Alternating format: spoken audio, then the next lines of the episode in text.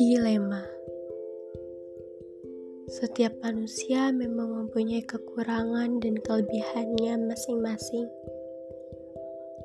Entah ini disebut sebagai kekurangan atau bukan.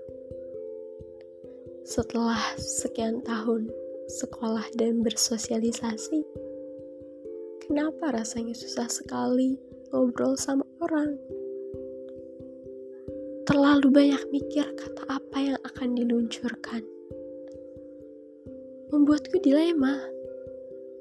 Sesusah itukah kamu bicara wahai mulut? Apa yang kamu takutkan dari lawan bicaramu? Bisakah kamu menjadi manusia pada umumnya? Terbukalah sedikit saja. Gak apa-apa kok. rasanya kayak robot.